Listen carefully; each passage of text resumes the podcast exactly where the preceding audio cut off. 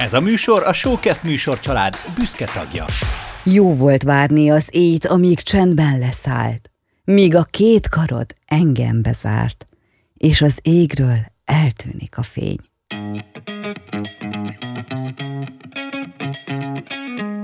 Hello és Isten! Ez itt a Magnó. Annak is a kurzusa. Egy válogatás neked, ha szeretsz mélyebbre tekinteni egy dalban. Veled együtt darabjaira szedjük a magyar poptörténet jelentősebb vagy azzá váló dalait. Annak járunk utána, hogy mire gondolt az alkotó, amikor írta a szerzeményt. Egy zeneművészeti karon tanuló hallgató, egy az irodalmat egyetemen kutató költő slammer és egy végzett viselkedés elemző segít neked is, és nekem is ebben. A nevem? Mikos Ákos. Kovács Kati egy nemzeti minimum, nem ő maga, hanem az ő ismerete. A Kossuth és Liszt Ferenc díjas magyar előadóművész, énekesnő, dalszövegíró, színésznő, a hazai könnyűzene egyik legkiemelkedőbb és legnagyobb hatású énekesnője, de tulajdonképpen évtizedekig az énekesnőként került be a kódexekbe. Énekhangja mezoszoprán, négy és fél oktávos hangterjedelemmel, amire nem példanélkülisége, hanem unikális használatba vétele hívta fel a figyelmet. 116 magyarországi és 25 külföldi önálló lemeze jelent meg, továbbá 49 nagy és 92 kislemezével a magyar hanglemezgyártás történetének legtöbb szólólemezével rendelkező előadó művésze. 1966-ban a Magyar Táncdalfesztiválok történetének első győztese lett mai vizsgált dalunkkal, a Nem leszek a játékszereddel. Négy díjat is elhozott a fesztiválról, Kovács Kati ezzel a dallal akkor az inkább itthon még ismeretlen rockzenéhez, mintsem az elfogadott hagyományos tánczenéhez simult hozzá, és játszott. A játékszerelet. A mai főszereplőnk Kovács Kati, és a Nem leszek a játékszered. Elringattad a szívemet minden jóval, csupa vágyteli színes szóval, fel is lobban zenével kezdünk, ahogy a Magnó kurzusában sokszor. Meli, a Debreceni Egyetem zeneművészeti karának mesterszakos hallgatója.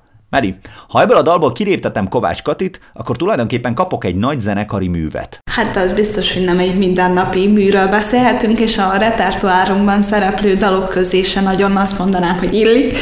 De, de igen, hogyha leválasztanánk róla az énekszólamot, akkor egy, egy konkrét fúvózenekari, vagy hogyha kiveszik a, a vonóskat, akkor, akkor beszélhetünk fúvózenekari műről, egy komplet klasszikus zenekarról beszélhetünk. Nem tudom, egyáltalán jó ösvényre lépek de bizonyos szempontból az operát kell behoznom. Egyszerű zeneszeretőként az opera is hasonló képletből állhat, legalábbis számomra.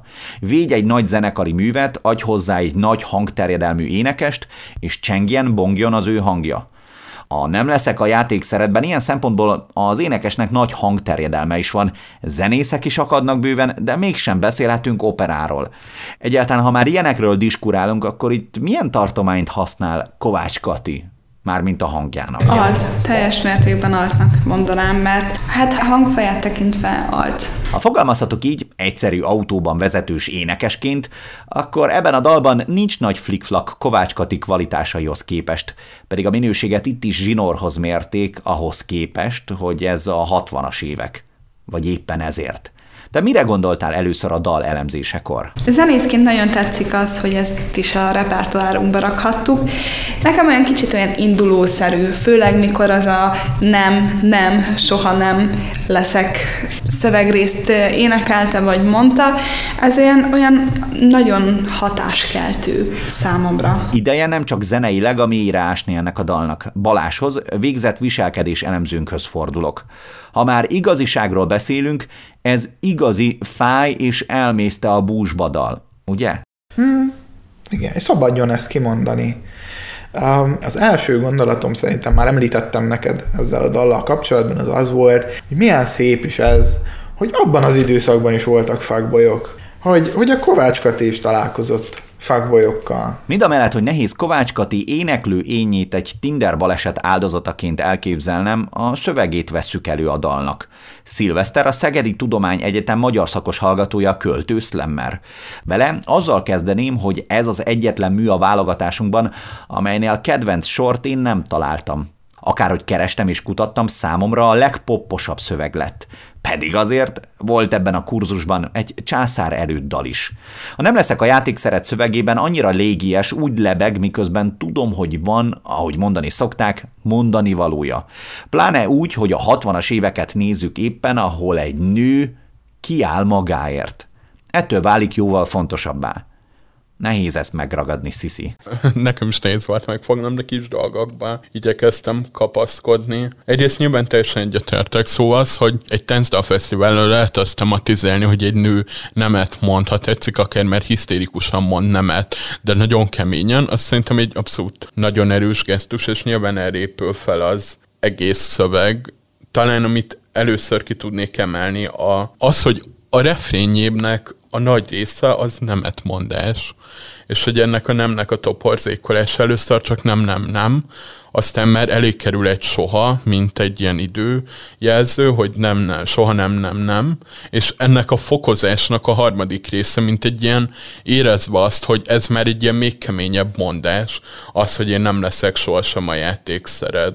És hogy nyilván, mivel ez viseli a címet, még nyilván ez a játékszer, ez nagyon erős az egész dalban, de hogy az, hogy egy ilyen fokozás után kimondani a tételmondatot, az mindenképpen egy ilyen baszó dolog. Ritkábban mondták ki, amit akkor Kovács Kati megtett. És bár érdekes erről úgy beszélni, hogy három férfiként és egy nőként mi nem is tudjuk a nők hangját igazán megszólaltatni, és ami még fontosabb, az érzéseit teljes egészében képviselni, annyi azért adassék meg ezzel a számmal, hogy 60 akárhányban is ki kellett mondani egy nő részéről, hogy én nem leszek a játékszered és ugyanezt egy férfi is kimondhatja. Kimondhatná. De ebben az időszakban szabadjon ezt kimondani. Mármint, hogy amikor ez a dal született, és ez, ez úgy gondolom, hogy ha, ha feminizmusról beszélünk, akkor ez annak Magyarországon egy nagyon szép mérföldköve. És ennek meg kellett születni ennek a dalnak, és nagyon érett szakmára vall ez, úgy gondolom, sok szempontból lehet kritizálni az akkori zenészeket, de úgy gondolom, hogy ez a dal így megszülethetett, és, és a Kovács Kati ekkora erővel elénekelhette ezt, és előadhatta, és egy táncdal fesztiválon, vagy akárhol, vagy utána mindenféle fellépéseken ezeket elénekelhette, és erre táncoltak, erre, erre nem tudom, együtt énekelték a megbántott szívű lányok Kovács Katival ezt a dalt. Ez úgy gondolom, hogy, hogy egy, egy, egy korálta meghaladó dolog. Általában a végén teszem meg ezt, de most hamarabb hozom be a kérdést Medinek. Elsősorban nőknek ajánlanád ezt a dalt? Én azt mondom, hogy igen. Hiszen, hiszen megvan benne az a kicsit feminista hajlam. Az az erő, hogy attól, hogy még nő vagy, ne érezd magad elnyomottan, hanem állj a sarkadra, és egyenlő fél vagy a férfiakkal. A játékszer kép egy tök érdekes vonulata a dalnak. Ha ez nincs, vagy kimaradna, akkor azt érezhetnénk, főleg Kovács Kati erőteljes hangjával, hogy totálisan egyenrangú félként áll ki az énekes, és azt mondja, hogy nem ne játsz velem, légy szíves. Ám ettől a játékszer tónustól egy kvázi játékbaba állapotba kerül, amikor nem egyenrangú félként alig nézik valamibe az éneklőt a tárgyasított nő. Igen, és nagyon izgalmas szerintem a diskurzusban, hogy mindig erről álmodoztam én, meg csupa vágyteli színes szóval, hogy valójában ő vágyott és álmodozott, de hogy az álom, az nagyon sokszor hajlamosak vagyunk ilyen babaházszerű dolgoknak tartani ezt a tematizálását, és hogy itt kerül elő valójában az egyenlő rangú partnerség, illetve a játékszer szerintem az utolsó sorra is nyilván rájátszik, hogy ha már a mindened nem lehetek, viszont ez, ez egy ilyen nagyon későn merül fel a szövegben. Tudtam már csak is, így lehet szép az élet, csak is így lehet szép, csak veled. Mindig erről álmodoztam én. Verseknél azt szoktuk mondani, hogy egy ennyire új információ előkerül a versben az utolsó sorban, akkor vajon az utolsó sor elbírja ezt? Vagy hogy van-e bármilyen előzménye egyáltalán? És hogy egyrészt az, hogy igen, tényleg túl későn merül fel, ugyanakkor, és valójában a dalban is érződik, hogy ez csak így után mondja ezt az egy sort, hogyha már a mindenet nem lehetek soha én. Szinte oda vágja, utána dobja hogy de nem nekem, de nem nekem, az már egy ilyen értelmetlen dolog kb. És hogy itt jön egy ilyen hosszabb hát Kovács Katizás, egy ilyen csodálatos minden hangját és mindent toporzékolását beleveti, és aztán, ha már a mindened nem lehetek soha én, mint egy ilyen nagy tanulság az egésznek, mint egy nagy játékszer ellentét. Meri, korábban emlegetted, hogy indulószerű a dal. Most, hogy mondod, tényleg olyan, mint egy induló mint mondjuk a Radecki Mars. Azok a szavak között a hatáskeltő szünektek teljes mértékben olyanok, hogy, hogy húha, és oda kapja az ember a figyelmét akkor is, hogyha nem akarja. A refrén után a hangulatot váltogatva modulál különböző hangnemekbe. Az mit jelent, hogy modulál? Ez egy nehéz művelet? Nem feltétlenül nehéz, hiszen vannak olyan váltóakordok, amivel úgy lehet átmenni egyik hangnemből a másikba, hogy a hallgató csak akkor vesz észre, hogyha már a másikban van. Mint egy, mint egy átsiklás, mint amikor lecsúszunk mondjuk egy sípáján, hogy akkor veszük észre, hogy már lent vagyunk, mikor már megérkezünk. Nekem ez egyfajta dühösséget juttat eszembe. Kevés olyan dal tudok felsorolni, ami ténylegesen dühös. Ez pedig a pszichológiáért kiállt. Ha pedig már pszichológia, akkor vonjunk egy párhuzamot az első dalunkkal, az Edda féle Gyere őrültel, ahol kimondtuk, hogy az őrültnek nagyon rossz kicsengése van. Csak úgy, mint a dünek. Balázs, mondassék ki itt is, hogy az életben lehet nyugodtan dühösnek lenni. Ugye? Szabadjon haragudni azért, mert mondjuk engem átvertek. Egyrészt szabadjon haragudni, másrészt nem biztos, hogy ez egy probléma. Mert lehet, hogy ez az egész egy játszma volt, és lehet, hogy nekem arra volt szükségem, hogy te most átverj, mert akkor elénekelhetem ezt a dalt. Hogy nem leszek ott a játékszered, mert én milyen tiszta és milyen jó lelkű vagyok. Tehát, hogy, hogy ez is benne van ebbe a dalba. Nem biztos, hogy, hogy nem, nem érte meg ez mind a két félnek. Mit mond erről a zene nyelve? Az erő, akarat, melyet Kovács Kati prezentál, az nem mindennapi, hihetetlen tartás van benne.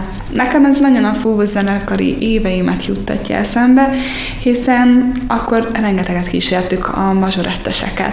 És teljesen az itt eszembe, amikor sétáltunk Debrecennek a, a főutcáján, a főtéren, és a virágkarnevál keretein belül mi fújtunk, játszottuk a zenénket, és a, a mazsorettesek meg táncoltak rá. Van ebben a dalban egy táncos hatás. A nem leszek a játék szered nekem áthallás arra, hogy a táncpartner vonatkozásában nem leszek a játék szered. Nem fogtok húzni, vonni. Ha meghallgatjuk a hangját, azt az erőt, azt a, azt a szinte fájdalmat, ahogy énekli, kiénekli az összes mindenét, és szinte meghal a színpadon, és, és annyira átérezhetjük mindenki, ha nő, ha férfi, át tudjuk érezni, hogy ő mit is gondolhatott ezen a színpadon. Sziszi, mi az, ami még feltűnt ebben a szövegben? Nagyon szép, ahogy a szöveg használja az éjszakát, mint a jó volt várni az ét, ami csendben elszállt, míg két köröt engem bezert, hogy az éj alapvetően tisztázatlan szerelmeknek az időszaka,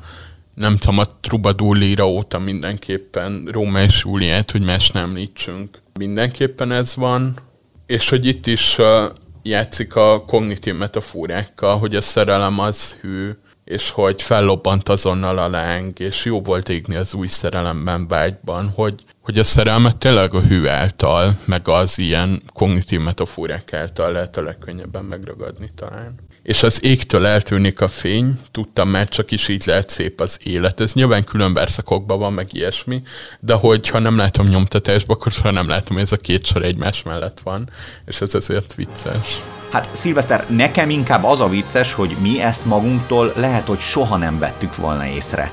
Végül Baláshoz fordulok lezárásképpen. Te kinek ajánlanád a mai dalunkat? Kovács Katinak. Nem, nem,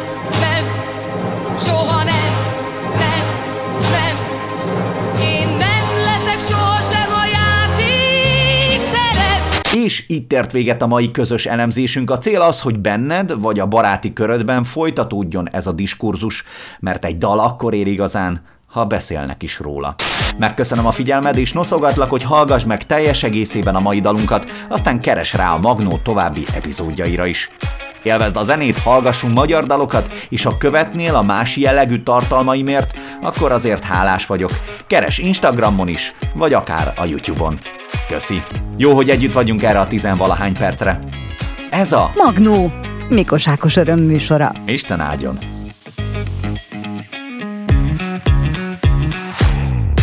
És mi lesz a következő részben? Itt egy kis nyom.